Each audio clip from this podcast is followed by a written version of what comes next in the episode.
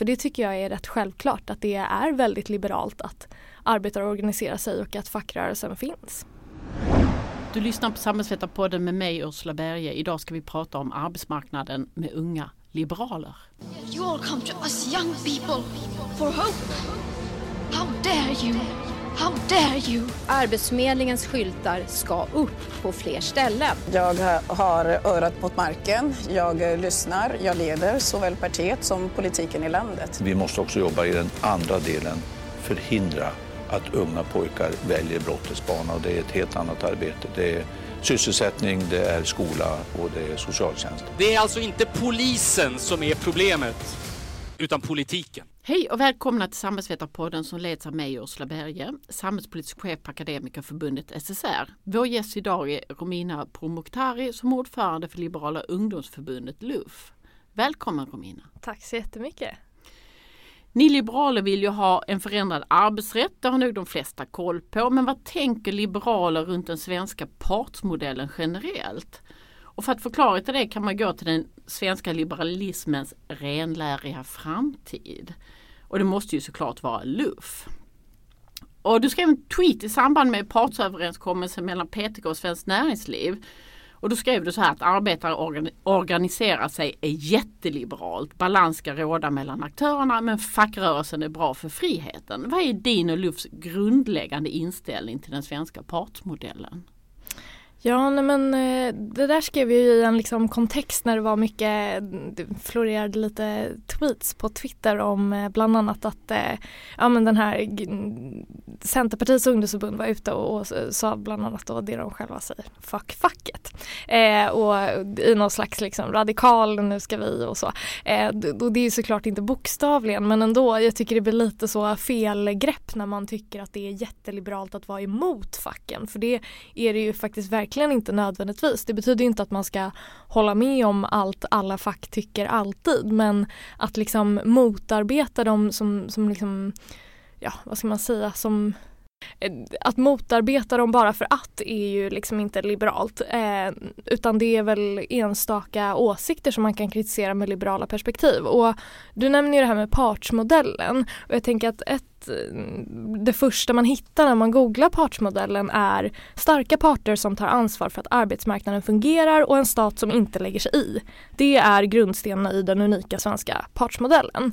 Och det är väl just det som gör, alltså har skapat lite de diskussionerna som sker nu att från liberalt håll eller i alla fall från Liberala ungdomsförbundets håll så tycker vi inte att parterna tar tillräckligt mycket ansvar för den situation Sverige står i just nu med väldigt många som behöver ta sig in på arbetsmarknaden marknaden eh, och, och, av den anledningen så vill man liksom med politiken kliva in och, och pilla och så. Eh, så det är väl lite det i den kontexten som jag skriver att så här, även om man från, från Lufs håll verkligen med jämna mellanrum är kritisk till fack, facken och, och utspel som görs eller eh, vissa strejker eller vad det nu kan vara så betyder inte det att man inte tycker att fack ska finnas och att fack är dåliga för det är de ju inte alls utan de bidrar ju till balans på arbetsmarknaden och det är ju en jättebra grej. Liksom. Mm. Vad fick du för reaktioner? Eh, alltså dels så eh, lite oväntat att det var så himla positiva reaktioner. Eller jag tänkte att det var lite mer självklart än det kanske var. Men eh, sen när jag tänkte på det så var det nog väldigt lång tid sedan en ordförande för Liberala ungdomsförbundet eller något ungdomsförbund på högerkanten har har sagt någonting positivt om fackrörelsen. Eh, men det är ju lite synd kan jag ju tycka att det var så himla anmärkningsvärt att det fick så starka reaktioner. Eh, för det tycker jag är rätt självklart att det är väldigt liberalt att arbetare organiserar sig och att fackrörelsen finns. Ja och den reaktion jag gjorde när jag läste det det var just det här det var länge sedan vi hörde Alltså väldigt mycket eh, har liberaler diskuterat utifrån att arbetsmarknaden har massa problem. Men att du säger att eh, du backade tillbaka och sa men organiseringen som sådan, själva grundkonstruktionen är inget problem.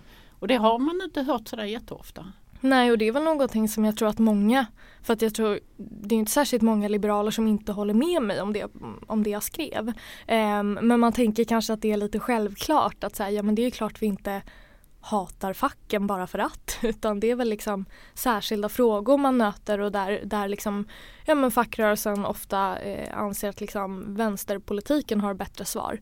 Eh, och att man av den anledningen liksom, ja men det är lite överdrivet polariserat kan jag tycka. Det finns jättemånga bra grejer fack gör och väldigt många åsikter som vi definitivt kan komma överens om. Eh, så det, ja tydligen var det nödvändigt att lyfta. Mm. Nej, men spännande, för man kan ju sammanfatta det här med partsmodellen att det är två frivilliga organisationer, parter, där man frivilligt är med som medlem, om det så är en arbetsgivarorganisation eller ett fackförbund, som frivilligt tecknar ett civilrättsligt avtal mellan varandra. Mm. Det låter ju inte så galet antiliberalt. Nej verkligen inte. Eh, så det är ju väldigt det är väldigt liberalt som, som jag sa och det, jag hade, det var någon som var kritisk till det där, en, en, eh, en kille som är med i ett eh, liberalkonservativt eh, förbund kan man väl säga. Eh, och han var lite kritisk till det där att det där hade inte de gamla filosofgubbarna gillat eller vad det var han skrev och där fick vi också en liten intressant diskussion men här, för, för, det är ju även de gamla filosofgubbarna som man ju då tycker är väldigt så renlärigt ideologiska eh, hade ju tyckt som jag att det är bra att parter sköter det utan politikens inblandning och att det är frivilliga eh, avtal och det är väl ingen emot eh, utan det är ju en grundbult i, i liberalismen som ideologi så det Nej, jag tycker jag har mycket och, som backar upp mitt uttalande där att mm. det inte är vänster att gilla fack. Och du skrev ju denna tweeten i samband med att just PTK, en frivillig organisation och Svenskt Näringsliv, en annan frivillig organisation, mm. gjorde en överenskommelse som både bestod av förslag om hur man ska ändra i arbetsrätten men också i andra delar som handlar om omställning och a-kassa och så vidare. Eh, och du sa tidigare här att eh, det är inte alltid som parterna har tagit det ansvar och förbättrat arbetsmarknaden som man borde göra.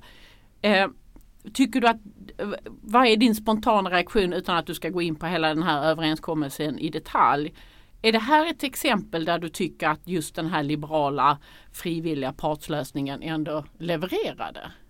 Ja absolut. Alltså, mm, ja, nu sa du vi ska inte gå in i detalj så för att hålla det övergripande är det ju väldigt, eh, eller så här, ett tydligt exempel på det är ju att det parterna har kommit överens om alltså räcker över en väldigt mycket större vidd än vad eh, Toyer gör liksom. Eh, och, och punkten i avtalet är ju eh, det som krånglar till det i sammanhanget. Eh, utan den tror jag att alla skulle vara helt hundra procent på att eh, mer tid och, och liksom klura på det ni vill göra och väldigt bra att parterna kommer överens men Problemet där från liksom, eh, vår sida är ju att eh, det har tagit väldigt lång tid och att arbetsmarknaden är i ett så extremt stort behov av en omställning som, som lättar upp arbetsmarknaden och som ser till att fler kan komma in på den enklare och att det blir mer rörlighet. Liksom. Eh, och det är väl det som har legat till grund för att det har blivit en så hetlevrad diskussion och så himla eh, spänd stämning och punkten ska jämföras och utredningen ska, ska igenom om, det inte är, om man inte är överens och så vidare och det har gjort att det är svårare att vara eh, generös med, med att parterna ska hantera det här själva. Eh, så om man plockar bort januariavtalet, regeringskriser och, och och sånt så hade hade det ju varit uppenbart att alla tycker det är jättebra att parterna kommer överens själva.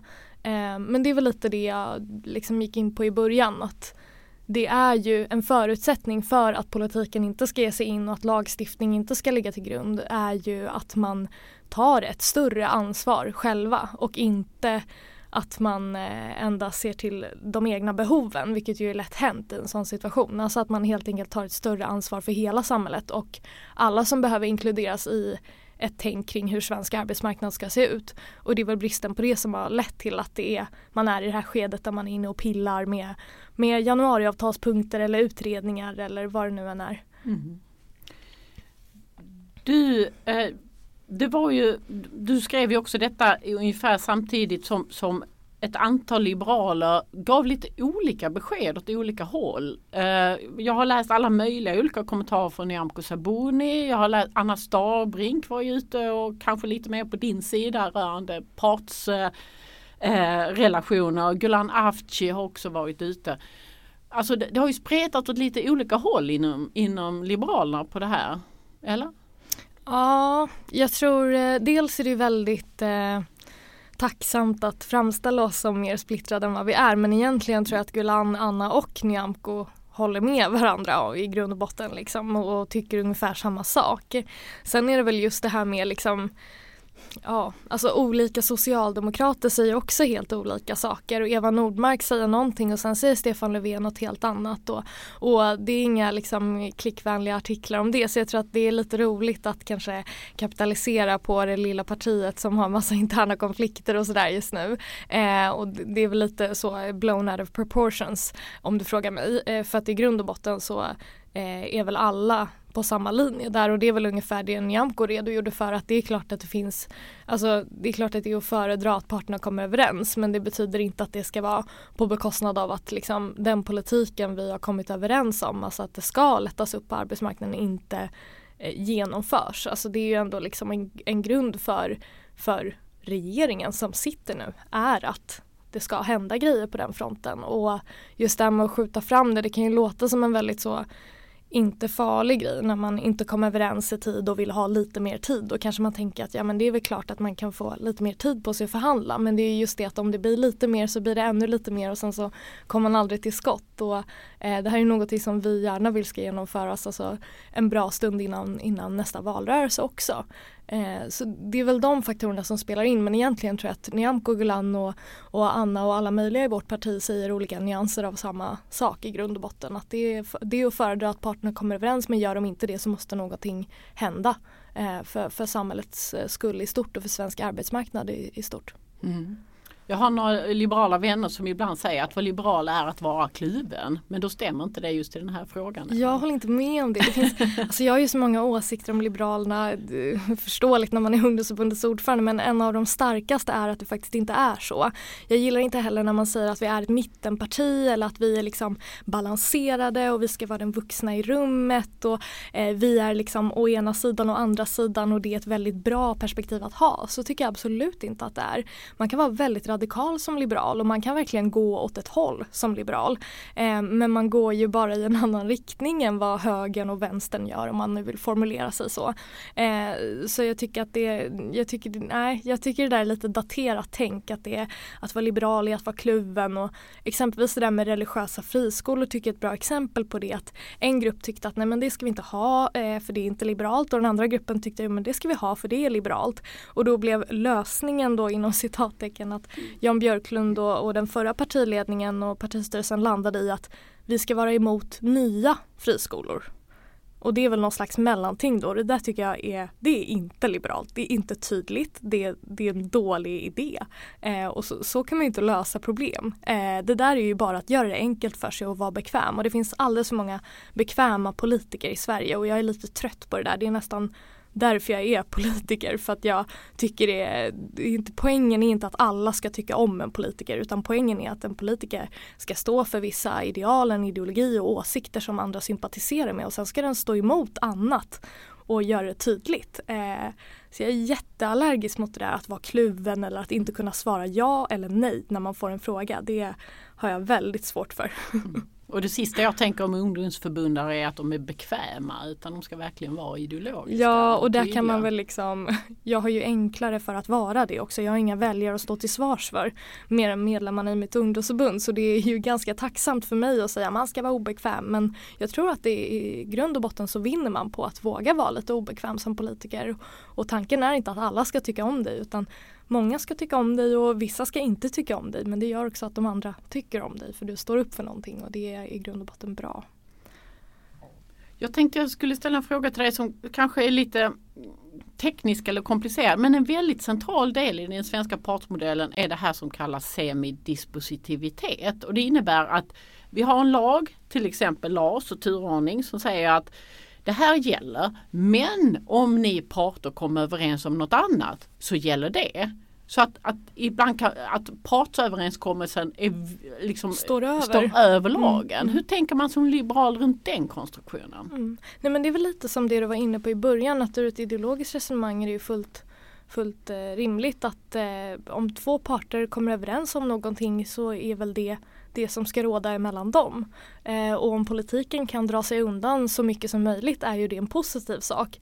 Eh, jag tror ungdomsförbunden är väl också lite mer ideologiska och nördiga och bättre på det där att sitta, vi kan ju ibland sitta och gå igenom lagarna och säga vad är det vi vill ta bort jag tror inte det, det är alldeles för få personer som sitter i Sveriges riksdag som gör det. Eh, man är mer inne på vad kan vi stifta för nya lagar hela tiden men det finns ju liksom som liberal är man ju mån om att ha få lagar också. Få men starka och bra lagar som fyller en funktion.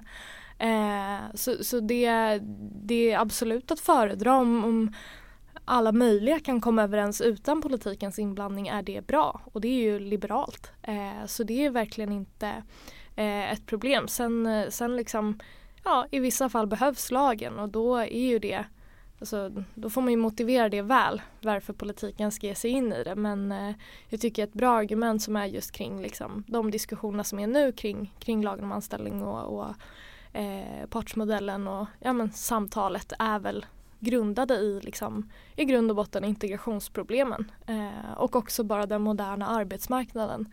Eh, nu med corona är det ju jättemånga exempelvis i min generation som är rätt unga, nyutbildade och så som har det väldigt tufft på arbetsmarknaden. Eh, och ja, vi pratar mycket om jobb och anställningar och allt det där och det är ju väldigt roligt för att man har verkligen ett helt annat perspektiv i våra generationer kring jobb.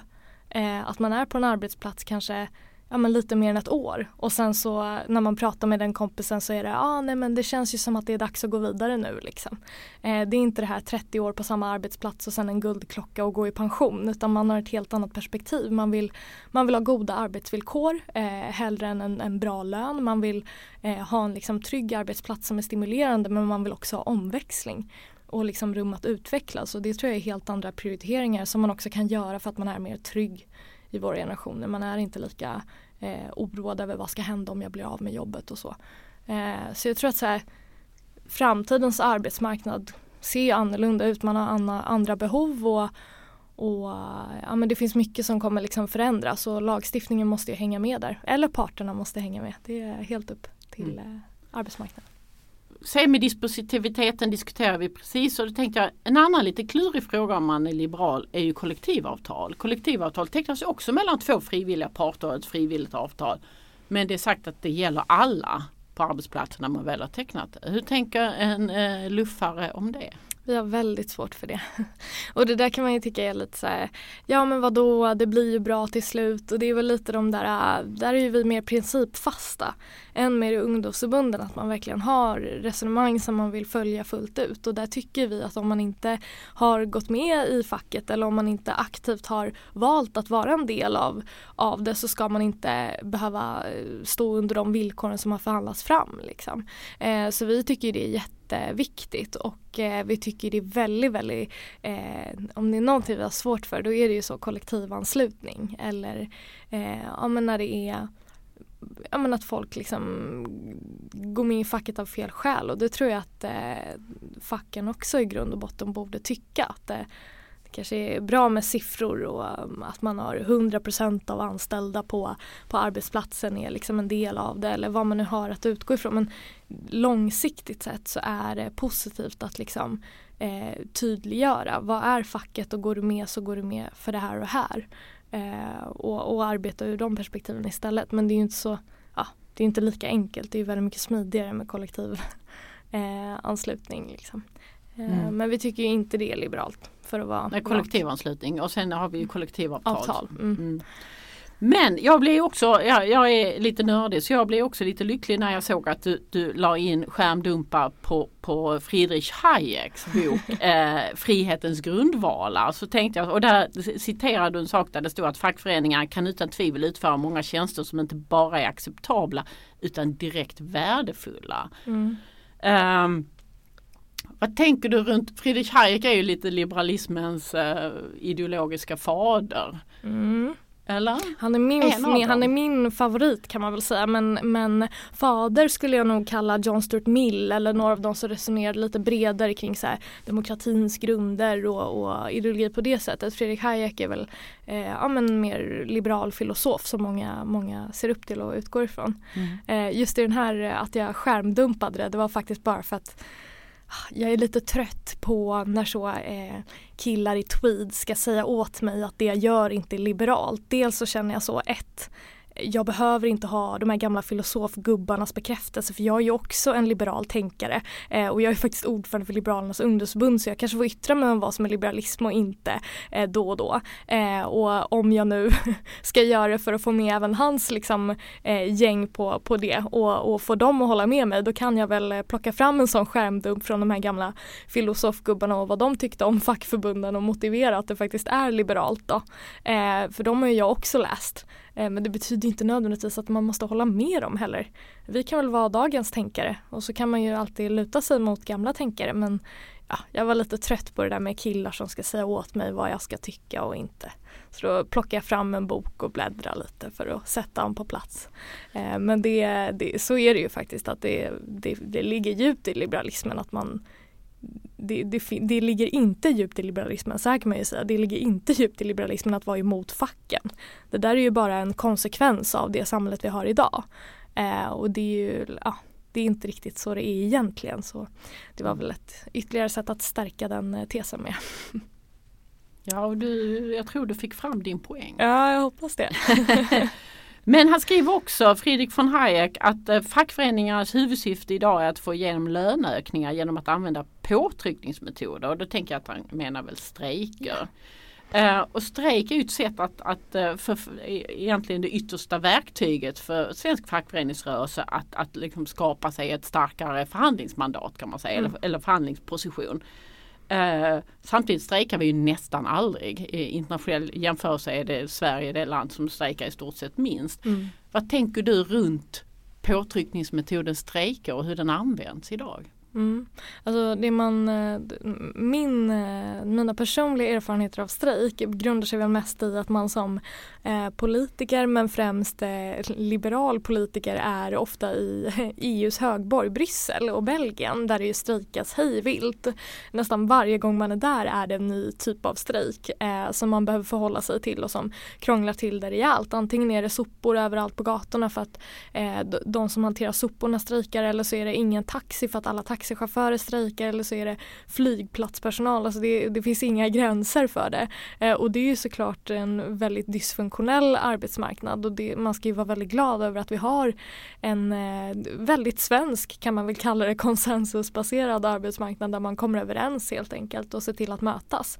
Eh, men samtidigt så vi Liberala ungdomsförbundet har ju varit kritiska när vi har tyckt att strejker har gått eh, för långt och där det är folk som eh, kanske besitter en viss kompetens som, eh, som är lite eh, ovanlig eh, men har löner som är liksom eh, långt över en, en god lön, alltså över 50-60 000 i, i lön i månaden och ändå är ute och strejkar för att man tycker att man har för låg lön. Det är liksom inte hållbart heller så det får inte vara så att det finns en, en eh, liksom maffiasituation eller där man liksom utpressar åt andra hållet på fel sätt heller. Och det där tycker jag är liksom Ja men så här, om, om, om du hade haft en eh, vänsterdebattör här i den här poddstudion nu hade de väl gått i taket och skällt ut mig för att nej men arbetare måste ju få stå upp för sina rättigheter och vi har saker att stå upp för och vi har förhållanden vi måste eh, liksom förbättra och sådär. Så är det ju men i Sverige är det ju annorlunda. Alltså man kan faktiskt inte jämföra Sveriges arbetsmarknad med andra arbetsmarknader hur som helst med, med Belgien eller ja, med, med andra länder där man strejkar mer utan här är det ju bättre arbetsvillkor. Eh, och då tycker jag man definitivt kan akta sig för att det slår över åt andra hållet också. Alltså, balans är ju ett bra ord när det kommer till arbetsmarknaden och, och till att ha en funktionell arbetsmarknad och det kräver att man försvarar båda sidor. Eh, och det gör man ju inte genom att säga fuck facket även om vissa tror det. Men man gör det ju inte heller genom att alltid ta facket i försvar och alltid tycka att det är bra att strejka och att man alltid ska ha högre lön och att det alltid är eh, rättvist att arbetarna får som, som de önskar utan det kräver ju att det, att det finns en riktig balans. Liksom. Mm. Och eh, om man tillåter sig ändå att jämföra Sverige med andra länder så kan man säga vi har väldigt, väldigt få strejker och vi har världens starkaste fackföreningsrörelse i bemärkelsen störst anslutningsgrad. Mm. Och tittar man på Belgien och Frankrike så har de 8% organisationsgrad när vi ligger på 70 Mm. Och kanske är det så att en stark fackföreningsrörelse är stark nog att inte behöva strejka. Precis. Där, där Frankrike och Belgien, de är så svaga, de har så få som är med så de måste rulla ut eh, traktorerna på gatorna. Mm, det är enda sättet att påverka liksom. Eh, och det är, ju, det är ju synd. Det är ju inte så mm, bra. Varken, alltså det är inte bra för arbetstagarna att behöva ha en situation där man liksom måste strejka för att få sin sak igenom. Det är ju inte bra för arbetsgivarna som ju också såklart stressade över sina verksamheter och det är ju inte bra för samhället i grund och botten att det är opålitligt och att man har verksamhet man inte kan lita på. Det är verkligen alltså, en grej man tänker på när man är, det finns ju vissa grejer man tänker på när man är utomlands och sen kommer tillbaka till Sverige. Och en sån väldigt stor grej jag ofta tänker på är hur bra allting fungerar här. Att, att det är mycket pålitligt. Bussen kommer när den ska och på flygplatsen finns det tydliga system. Men nu ska du gå dit och sen går du där och, och om du behöver eh, liksom söka något stöd och ja i och för sig nu är det ju lite mäckigt med byråkrati i Sverige också men i övrigt så, så här, det finns system som fungerar och saker är stabila och pålitliga. Och det är ju väldigt goda grunder för att ha en stark ekonomi. Eh, och det är ju enormt viktigt för, alltså, ja, för samhället men också för människor. Eh, att man har en bra ekonomi och en, en stabil, ett stab- stabilt samhälle som är pålitligt. Eh, och det kan man ju absolut tacka arbetsgivare och fack för.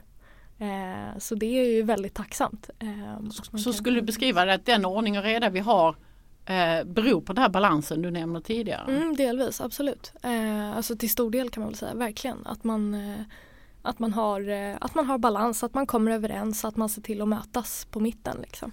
Ehm, och det, så är det ju. Det är en bra grej. I grund och botten, ja, jag, jag tycker det, det är konstigt att det ska behöva sägas men verkligen att det, det är klart det är bra med fack. Jag tänkte, eh, nu framstår jag som lite konstigt nördig och läser lite för mycket på Twitter men jag har läst en annan tweet som du har lagt upp där du sa att Karl Staff då, eh, som ju är en otroligt viktig eh, person inom den svenska liberalismen. Sa, du skrev så här, Karl Staff var aktivt engagerad för arbetstagarnas rättigheter långt innan LO bildades. Under liberalen Nils Edéns regering drevs igenom lagen om åtta timmars arbetsdag och Per Ahlmark har, fixar den femte semesterveckan. Är det i grunden en liberal liksom, fackföreningsrörelse som, som vi har att göra med? Jag tycker bara att det, om jag inte hade sagt innan LO bildades, då hade det ju varit folk som är så här, ja ja Folkpartiet, ni var sådana sossar eller ni är vänster, ni är inte liberaler på riktigt eller ni är inte höger eller vad man nu tycker. Eh, och så är det ju faktiskt inte då, därav poängen att det var innan LO bildades. Men jag tycker alltså, det är lite de här dumma skyttegravarna, de fördummar verkligen diskussion om arbetsmarknaden när högern sitter på ena sidan och vänstern sitter på ena sidan och så har man arbetsgivare och arbetstagare bakom sig och så står man och skjuter mot varandra hejvilt helt i onödan. Eh, det tycker jag är lite dumt. Så då vill jag väl poängtera att det verkligen eh, inte är så att det är Socialdemokraterna som i all evighet har tagit striden för, för arbetarna och ingen annan har stått på deras sida. Utan det är ju såklart att det finns en balans även bland politiker precis som det finns på bland, bland parterna. Att man diskuterar och man kommer överens och man ser ju vad det bästa är och då mm, arbetar man ju mot ett gemensamt mål och har ju såklart inga problem med att driva igenom rättighet för arbetstagare som liberal också. Eh, så jag tycker det bara är lite fördummande diskussion det där att man håller på som om det vore på något annat sätt än, än så att liberaler också driver igenom saker som är jättebra för arbetstagare och att eh, ja, men socialdemokrater också kan i- ta- fatta beslut som är händer ju det lite för sällan kan ju jag tycka men som är bra för arbetsgivare. Eh, så det var väl det som var lite poängen med, med den tweeten. Eh, det, det är liberalt att, eh, att gilla fack. Inga konstigheter. Och jag tänkte runt en sak här och det är det här med när, vi kan ta exemplet med Per Ahlmark och semesterveckan. Alltså jag tittade en gång på hur, hur antalet semesterveckor har förändrats över tid i Sverige. Det var en gång de hade rätt till tio dagar utan lön ungefär och sen har det hänt saker och ting. Och det har varit ofta att det har växlat mellan att, att parterna har förhandlat fram en vecka till eller några dagar till i avtal och sen har lagen kommit och sagt nu ska det vara fem veckor och så har de på något sätt eh, ska jag säga växeldraget, mm. ska jag säga, parterna och lagstiftningen. Eh, är det bra?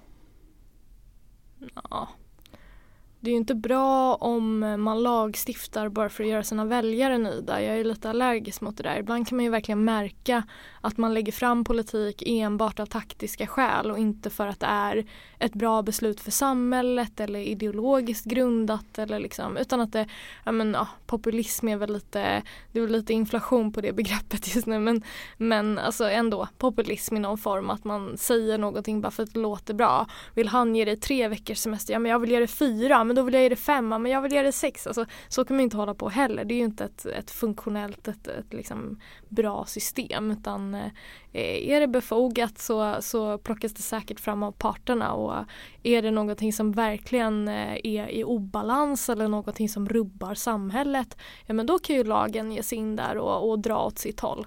Ehm, men eh, det vill man ju undvika helst. Sen är det ju trevligt med semester så det är väl Ja, det är väl tacksamt att vi har kommit så långt som vi har i Sverige. Um, men uh, att lagstiftningen är inblandad är inte nödvändigtvis någonting bra tycker jag som mm. liberal. Nu kan inte Per Ahlmark höra dig för han finns inte med oss sen något år tillbaka. Men vad tror du han skulle säga om femte semesterveckan och din inställning till det beslutet?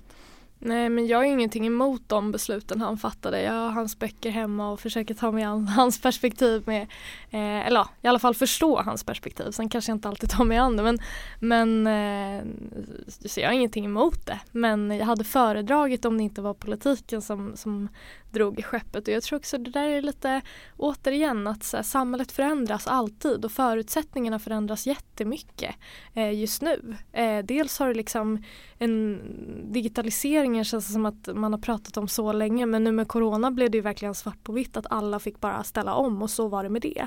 Eh, och det där öppnar ju upp för väldigt mycket att man har dialog med någon som är på andra sidan världen på fem minuter och sen så har man något nå möte, man hinner med väldigt mycket mer, man, man man är inte lika beroende av sina ja, de personer man har omkring sig, vilken stad man bor i och vad man har för möjligheter. Man kan söka jobb på helt andra, i helt andra delar av världen. Man, alltså det, världen ser inte ut som den gjorde förut och Eh, alltså den politiska debatten ser absolut inte ut som den gjorde förut.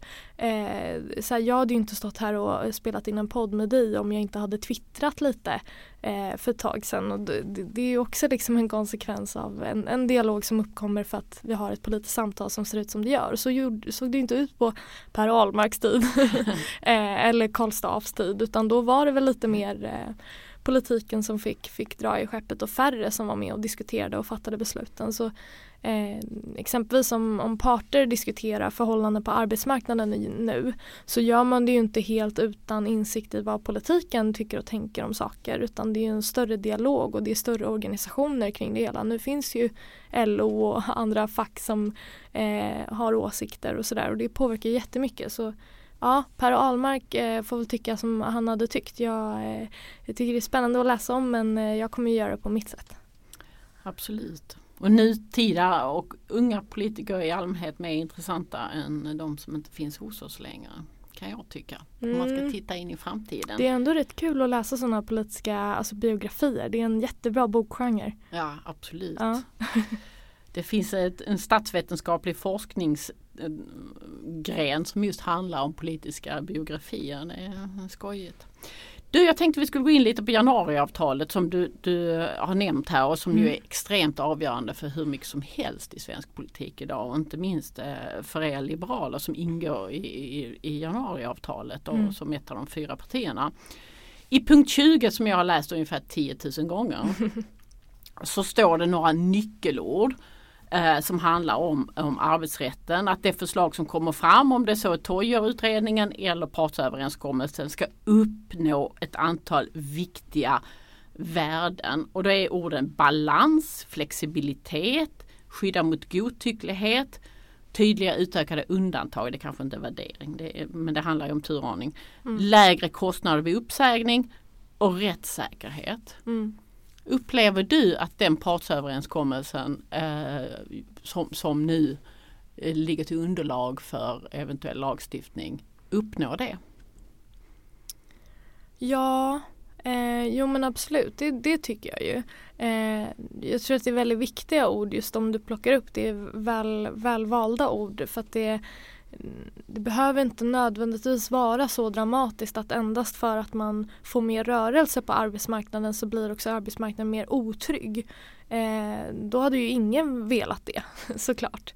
Eh, utan en trygg arbetsmarknad är ju liksom också en definitionsfråga där liksom rättssäkerhet och godtycklighet är liksom ja, godtycklighet ska man inte förstå men rättssäkerheten är ju något som är positivt och godtyckligheten är något man vill undvika från, från alla håll. På samma sätt som jag också tycker att man också kan vara positivt inställd till mer rörlighet på marknaden och, och till att liksom underlätta och tillåta fler undantag och så vidare. Eh, för att i grund och botten utan så vill man ju ha ett sunt samhälle där man utgår ifrån att folk har goda intentioner och, och vi har en arbetsmarknad som är, som är öppen och, och rörlig. Liksom. Eh, så jag tycker att de orden som står i punkten är väldigt, väldigt viktiga. Eh, och så som jag ser på, på parternas överenskommelse så som den ser ut nu så, så tycker jag att den eh, tar sig an allt det här men även mer än det. Eh, och det är väl det som är en rätt trevlig del i att eh, om man kan komma överens och om eh, mycket LO-snack här nu men om LO kan ge sig och sluta tjafsa så Eh, så, så är det ju verkligen bra för att den täcker in så mycket mer än vad, än vad Toyer gör. Eh, men jag kommer ju inte, alltså det är ju liksom ingen snack om saken att det inte är aktuellt för Liberalerna eller, eller Centerpartiet för den delen att backa eh, i den här frågan utan de här punkterna är ju superviktiga precis som du säger. Januariavtalet är liksom på liv och död för oss. Eh, och det går inte att backa hur som helst bara för att LO nu också utan eh, de, de tyngre eh, delarna av sitt fackförbund liksom är kritiska. Det, det håller inte riktigt. Mm. Eh, så ja, nej, men det, jag tycker att eh, det parterna kommit överens om tar hänsyn till de orden och jag tycker de är väldigt viktiga ord som du, som du nämner. Mm.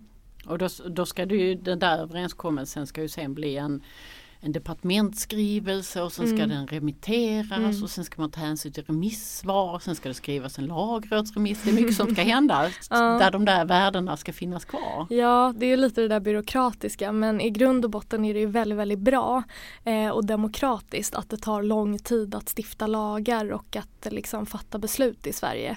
Det är ju någonting som gör att man, eh, att man inte fattar fel beslut och, och gör saker som är dåliga. Eh, så även om man kan vara lite otålig ibland eh, så, så är det i grund och botten bra att vi har alla de här remissrundorna och utredningarna och allt vad det är. Eh, mm. Det är mm. en del av den där svenska samförståndssaken. Mm. Men också en del av den svenska stabiliteten i våra system. Att allting funkar så bra här. Det är ju liksom en del av det också. Absolut. Nu ska jag ställa en eller två kanske kuggfrågor på slutet och det handlar mm. också om januariavtalet. Nu sitter inte du i riksdagen. Nej. Eh, men eh, den första frågan, vad är du mest emot? Januariavtalet eller Sverigedemokraterna? Sverigedemokraterna. Um, så ja, nu finns ju det här avtalet och det är väl, eh, det, alltså för mig, jag tycker verkligen det är nödvändigt ont. Jag tillhör inte de som liksom tjoa och simma och högljudda applåder när vi röstade för att ingå i januariavtalet utan det är nödvändigt ont. Jag vill inte ha Stefan Löfven som statsminister eh, men jag vill hellre ha en eh, Stefan Löfven och socialdemokrater som röstar igenom eh, liberal politik i Sveriges riksdag än att ha eh, Sverigedemokraternas inflytande. Så då får det väl vara så, men nödvändigt ont. Mm. Tänker du att januariavtalet bör hålla till eh, ja, tills det blir en valrörelse till 2022. Mm. Jag tycker det ska hållas tills eh, valrörelsen drar igång, tills sista budgeten är skriven brukar jag säga. Eh, ingår man i avtal så ska man ju hålla dem, om, om några har koll på det är det väl facken. eh, men, men alltså verkligen att nu har vi ingått i det avtalet och då är det så. Eh, men det är verkligen inte bekvämt för liberaler det här och jag tycker det är jättejobbigt att träffa alltså, folk som röstar på oss och som är besvikna över att uh, Ulf inte är statsminister. Men i grund och botten så får man ju även om det är svårt att förklara, det är en väldigt rörig situation så handlar ju det om att högern eller vad man ska kalla det, alliansen fick ju inte tillräckligt många röster. Så hade vi haft tillräckligt många röster, hade Moderaterna och KD fått fler väljare och vi och Centerpartiet, då hade ju vi såklart velat ha Ulf som statsminister. Men nu hade vi ju inte det. Och det är ju det som ligger till grund för den situationen vi är i nu och det här avtalet som, som är nödvändigt ont men som i grund och botten leder till mer liberal politik. Så, så då får det vara så. Mm. Och då har du nästan svarat på min nästa fråga. Vilken statsminister skulle du släppa fram om du satt i riksdagen? Ja, om jag får välja själv hade jag ju valt Nyamko Sabuni.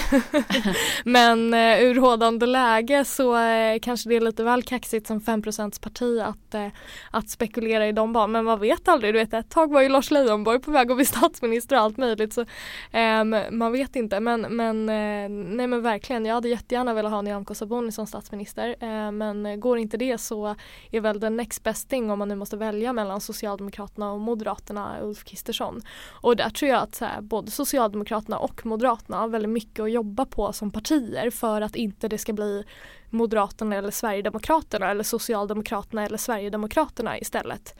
Eh, det där är liksom frågor som de som partier, statsbärande partier eller vad man nu vill kalla det behöver ta på allvar och verkligen eh, jobba på. Så jag tycker att det är, ja, det är oroande att Liberalerna och Miljöpartiet och våra partier liksom har så låga siffror. Men det är också extremt oroande att de större partierna inte, inte är bättre, inte är starkare och inte tar större ansvar för liksom, politiken i sin helhet utan ofta skjuter på varandra och försöker slå under bältet på varandra. För det eh, i de här tiderna om vi, om vi ska undvika januariavtal och Sverigedemokrater och annat så, så kräver det att man är, man är lite mer ansvarsfull än vad jag tycker de är just nu. Så egentligen tänker du dig en politisk framtid som varken består av januaripartier eller Sverigedemokrater i, i, i så att säga regeringsställning. Ja, eh, och det där är också lite intressant om man kollar bland ungdomsförbunden så har vi ju en helt annan relation till våra, de andra förbunden än vad moderpartierna har så att säga.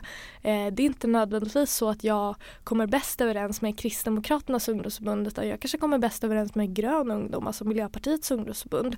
Eh, kommer definitivt inte särskilt bra överens med Socialdemokraternas ungdomsförbund, de är ju snudd på samma sak som sitt moderparti så det är inte samma grej där men generationsskiftena politiskt Eh, är lite intressanta att titta på. Det är många så politiska journalister som brukar nörda ner sig i det där men vi har ju verkligen lite andra visioner. Eh, och det är kul att se och jag ser absolut en, en framtid där eh, det finns en liberal grön mitt liksom.